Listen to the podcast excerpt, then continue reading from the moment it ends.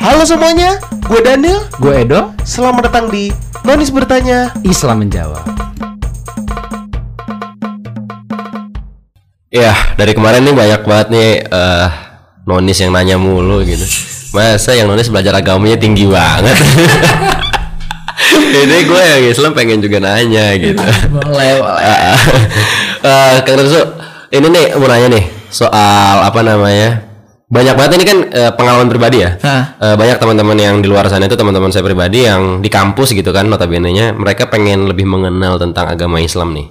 Pengen mengenal Islam terus mereka sempet eh, berguru lah sama orang yang mereka anggap sebagai Guru. ya, guru gitu kan. Terus nggak lama dari situ malah orang yang dianggap guru itu tuh eh, merekomendasikan, udah ente coba eh, nonton video ustadz ini, nonton video si ustadz ini gitu kan. Nah, eh, yang menjadi pertanyaan saya adalah eh, apakah belajar Islam itu boleh lewat eh, tayangan digital kayak gitu atau lebih baiknya eh, langsung kepada gurunya? Oke, baik. Boleh eh, langsung aja nih ya. ya sebenarnya gini, memang eh, ilmu itu bisa kita dapatkan dari mana aja, Iya, termasuk betul. dari platform eh, media ya, digital maupun eh, secara langsung. Ah. Itu dua hal yang kalau misalnya dalam konteks menuntut ilmu ya diperbolehkan. gitu. Boleh. Boleh nggak ngambil ilmu dari YouTube? Boleh. Boleh nggak ngambil ilmu dari Google? Boleh. Karena mungkin kalau misalnya di zaman dulu udah ada YouTube, Ah. banyak juga para ulama bikin channel YouTube. Tapi kan YouTube adanya sekarang gitu Bener kan. juga ya. Jadi ya sekarang adanya salah satu media yang bisa kita gunakan adalah YouTube gitu. Ah. eh, media yang membuat jarak kita dengan para ulama yang berilmu itu semakin dekat ya adalah di ya platform digital seperti YouTube atau Oh. Google dan lain sebagainya. Kalau sekarang misalnya kita dulu pingin belajar hadis harus ke Timur Tengah gitu kan Iya benar. dengan ongkos perjalanan yang jauh sementara kita belum eh, memiliki itu Iya, ya kan. ah, ah. Sekarang bisa dapatnya di mana? Ya di YouTube gitu kan. Oh, Nah, kalau untuk em, knowledge gitu kan ilmu. Hmm. pengetahuan itu boleh gitu. Walaupun eh, jelas bahwa salah satu di antara yang memberkahi ilmu kita itu adalah datang langsung kepada guru atau majelis ilmu, Ilmu, gitu ya. iya. Jadi ada keberkahan. Nah, keberkahan apa sih? Ya keberkahan itu kan akan yang membuat kita semakin baik gitu ya. Iya. Keberkahan itu yang menjadikan hidup kita terasa lebih mudah, lebih baik. Jadi hari-hari kita menjadi lebih baik lagi, lebih baik lagi. Itu udah berkah kan sebenarnya. Ah. Nah, itu bisa kita dapatkan ketika kita hadir di majelis ilmu mendengarkan guru secara langsung. Oh, Jadi oke. ruhnya akan tumbuh gitu. Lebih Nah, kepada ini ya apa namanya sanatnya kali ya. Nah, makanya menuntut ilmu hari ini bisa dua cara dan dua-duanya harus kita lakukan. Jadi bukan memilih. Oh, bukan memilih bukan tapi memilih ingat. dua-duanya. Bukan memilih. Jadi kalau misalnya ada pertanyaan, jadi mana yang harus saya pilih dua-duanya? Artinya gini, Hmm. kita tetap harus punya guru, tapi juga untuk menambah pengetahuan kita. Iya. Nah, kita juga boleh atau disarankan untuk eh, menonton tayangan di YouTube atau misalnya kita mencari kitab di Google itu boleh. Hmm, Nah, tapi oke. tetap harus ada guru yang memang menjadi patokan kita. Heeh. Nah, setidaknya guru itu yang nanti jadi bahan diskusi buat kita mengenai apa yang kita dapatkan dari luar. gitu. Oh, oke, Nah, I kan see. mungkin ketika kita nonton YouTube kan pasti ada banyak ya Iya, perbedaan-perbedaan. Mohon maaf bagi orang yang memang misalnya dia awam gitu ya, masih baru mengenal Islam atau baru belajar Islam kan pusing gitu. Islam kok banyak. Ada yang Ustaz ini bilang gini, Ustaz ini bilang gini, ini haram, Iya. ini yang ini boleh halal. Nah, Nah, itu gimana cara menyikapinya tuh? Nah, makanya kan hal-hal seperti itu nggak bisa kita sikapi dengan kepala yang tanpa ilmu gitu ya. Iya. Dan nggak punya guru. Artinya kita Ah. tetap harus ada guru yang bisa menjadi penengah bijak gitu kan menjadi penghubung antara pendapat-pendapat yang berbeda artinya gini Islam itu kan ada yang namanya khilafiyah gitu kan Iya, benar. hal-hal yang memang eh, perbedaan dalam eh, dalam eh, kaidah furu gitu ya. Artinya hal-hal yang masih eh, konteksnya bukan konteks usul artinya ya. Ya itu diperbolehkan gitu. Dan ketika ada perbedaan itu kita memilih mana yang akan kita pilih, bukan Iya. membenturkan. Nah, ini Oh. yang ha- harus kita hati-hati gitu.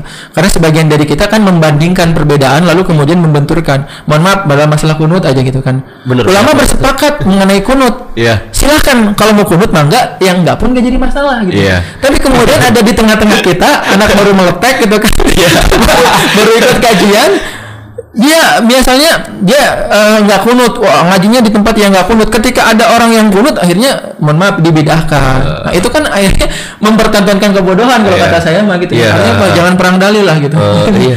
harus bijaksana dalam menyikapi itu karena apa ini bahasan di ulama masalah ini udah selesai gitu Hmm, Nah, jadi guru itu tetap harus eh, kita miliki karena yang membuat ruh akan hidup ini sebenarnya adalah adanya guru. Oh, gitu. oke. Kalau misalnya nih ada orang yang eh, dia udah berguru ke satu guru aja sampai-sampai ke satu ustadz lah misalkan Ya. satu eh, guru agamanya. Terus eh, dikasih referensi sama temennya misalnya, ini coba deh eh, ente ke sini gitu. Enggak, ente udah punya guru ini gitu. Gini, eh, gini, kan sekali lagi ini bahasan sensitif sebenarnya ya. Iya. ya boleh nggak kalau misalnya kita berguru hanya pada satu guru? Iya. Sebenarnya kalau untuk konteks hari ini eh, lebih baik eh, bukannya juga melarang ya, Iya. tapi tambah referensi. Tambah Kalian mengambilnya tambah referensi gitu.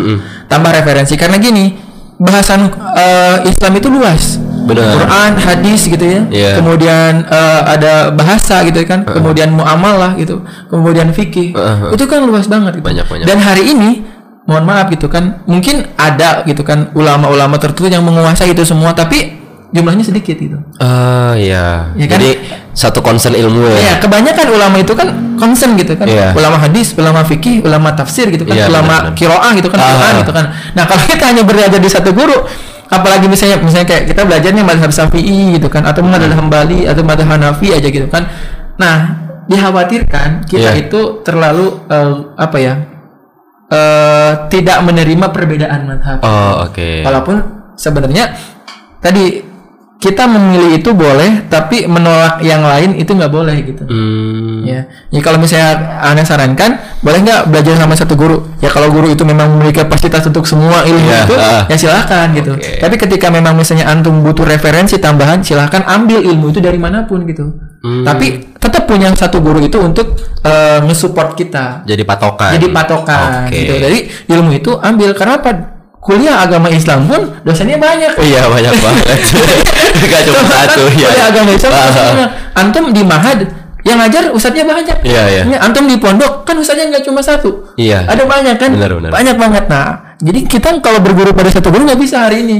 Kecuali Oh. ada Rasulullah. Iya Ya. benar. Karena kapasitas manusia itu kan ada batasnya. Ada ya. batasnya. Nah, gitu. Bahkan ya walaupun misalnya kalau kita mau mendalami dulu dengan satu guru sampai selesai ya silakan. Itu nggak jadi Hmm. masalah. Tapi nanti tambah lagi referensi. Ta- Tapi carinya biasanya kan direferensikan sama gurunya kan. Iya. Oh nanti coba belajar lagi sama ustadz ini, sama ustadz ini, sama ustadz ini. Tapi eh, salah nggak sih kalau misalnya eh, ini kurang tahu ya kalau misalnya nih eh, ada orang mau belajar satu agama gitu. Tapi yang per- yang pertama kali dilihat dulu tuh bukan ilmunya tapi lihat eh, mazhabnya. Belajar satu agama tapi dilihat maksudnya orang Islam atau Orang Islam mau belajar agama tapi lihat dulu mazhabnya. Eh, ini mazhabnya apa nih gitu. Oh. Nah gitu. Nah, berarti dia belum paham mengenai perbedaan madhab. Nah, ya sebenarnya boleh-boleh saja gitu ya. Ah. Artinya boleh-boleh saja. Tapi nanti dalam perjalanannya juga tetap harus diedukasi mengenai eh, ada madhab-madhab lain di luar yang dia pelajari gitu. Iya, iya. Maksudnya gini, karena madhab itu kan sebenarnya kita memilih ya. Kan kayak kita milih jalan gitu. Hmm. Iya, Nih, benar. Ini Islam nih misalnya. Islam tuh ada di ujung gitu kan. Ah. Nah, tapi kita mau milih jalan mana gitu kan? Jalan lurus tengah gitu kan, jalan agak kiri dikit, agak Iya. kanan dikit atau misalnya lewat jalur belakang gitu. Contoh ini mah ya. Nah, itu ibaratnya mazhab tuh gitu gitu kan. Kan Hmm. mazhab itu adalah jalan kita, metode kita untuk beribadah gitu. Dan itu semuanya ada contohnya dari dari Nabi gitu kan. Hmm. Nah, boleh nggak kita mempelajari satu mazhab? Ya boleh. Karena memang tujuannya satu ke ke Islam juga, maksudnya menuju muara ibadah gitu kan. Iya. Tapi jangan sampai ketika kita mendengar ada perbedaan eh, cara ibadah misalnya ya Iya, iya. dalam hal-hal yang kayak sholat mohon maaf kayak gerakan eh, takbirul ihram gitu ya. Iya. Kita menjadi orang yang fanatis terhadap madhab kita lalu menyalahkan madhab yang lain. Nah itu yang nggak boleh. Hmm. Kalau belajarnya boleh boleh gitu. Nah makanya memang baiknya kita belajar satu madhab tapi mereferensikan juga dari berbagai madhab. Nah kita tetap misalnya kita belajar syafi'i, ya udah ibadah kita syafi'iyah gitu. Syafi'iyah. Tapi kita juga tahu mengenai madhab-madhab yang lain. Hanafi, Maliki, Hambali. Ya, tujuannya agar apa? Ketika kita keluar negeri dengan madhab yang berbeda, Iya. kita nggak menyalahkan mereka. Oh, iya, kita nggak kaget juga dengan cara ibadah mereka. Iya, Kalau iya. mungkin menyalahkan kayak berat. Tapi yang penting jangan sampai menyesatkan. misalnya, mana kan orang Indonesia gitu ya, kita iya. biasa pakai kunut. Kalau misalnya kita pergi ke madhab Hambali misalkan, Iya. wah ini enggak salah enggak salah atau misalnya ini salah nih nah kan kayak gitu Iya. nah makanya tetap belajar belajar itu Oke. referensi lah dari tambahan Berarti fungsinya dari kita mengambil banyak eh, guru tadi untuk ambil referensi supaya bisa menerima perbedaan-perbedaan Nah, ya. Tapi jangan sampai juga kita akhirnya eh, apa ya malah menyesatkan guru yang sebelumnya juga ya. Hati-hati Oh, ya. iya, nah iya. itu juga buat teman-teman juga mungkin ketika belajar ya masalah hati juga harus diperhatikan. Karena Hmm. banyak juga eh, teman-teman kita gitu yang mungkin belajar eh, awalnya soft gitu kan jadi hard gitu. ya, dia awalnya sih baik-baik aja gitu kan tapi ketika belajar pada satu madhab tertentu atau bukan madhabnya yang salah Iya. gitu ya uh, ustadz yang mungkin mengajarkannya cukup keras gitu kan Heeh. akhirnya dia ke bawah-bawah keras Iya, itu. nah malah menyesatkan teman-temannya yang lain Nah, itu juga nggak baik nggak boleh bahkan bukan nggak baik ya banyak fenomena yang terjadi bahkan awalnya pengen belajar dasarnya gitu. Tapi ketika baru masuk tuh langsung eh, ini baiknya baiknya apa sih yang harus dipelajari lebih awal nih buat teman-teman yang baru mau mengenal Islami gitu kan? Eh, itu tuh apa sih yang harus dipelajari lebih? Apakah keutamaan dulu kah? Atau udah eh, mengenai dosa-dosa dulu kah? Atau apa ini ya kalau misalnya buat teman-teman yang baru belajar Islam kan harus motivasi ya. Iya. Maka yang namanya motivasi itu kan pasti sesuatu yang membuat kita semangat apa gitu. Iya, benar. ya jangan dulu bicara dosa lah gitu. Dosa udah sama-sama tahu punya dosa Iya, gitu ya. Jadi jangan ditakutkan dengan dosa gitu. Ya walaupun nanti juga harus dipelajari gitu kan. Iya. Ya, jadi motivasilah dengan keutamaan keutamaan Hmm, kemudian juga ya tetap dosa itu sebagai remnya gitu. Artinya apa? Ketika kamu nggak melakukan kewajiban ini ya ada konsekuensi gitu. Tapi ketika melakukan ini ini keutamaan keutamaannya Oh, ini iya. loh eh, yang akan kamu dapatkan Iya. gitu. Sesuatu hal yang menyenangkan. Karena Islam itu agama yang menyenangkan gitu. Sepakat. dan membahagiakan gitu. Sepakat. nggak ada orang Islam itu yang sebenarnya tidak senang. Harusnya senang gitu.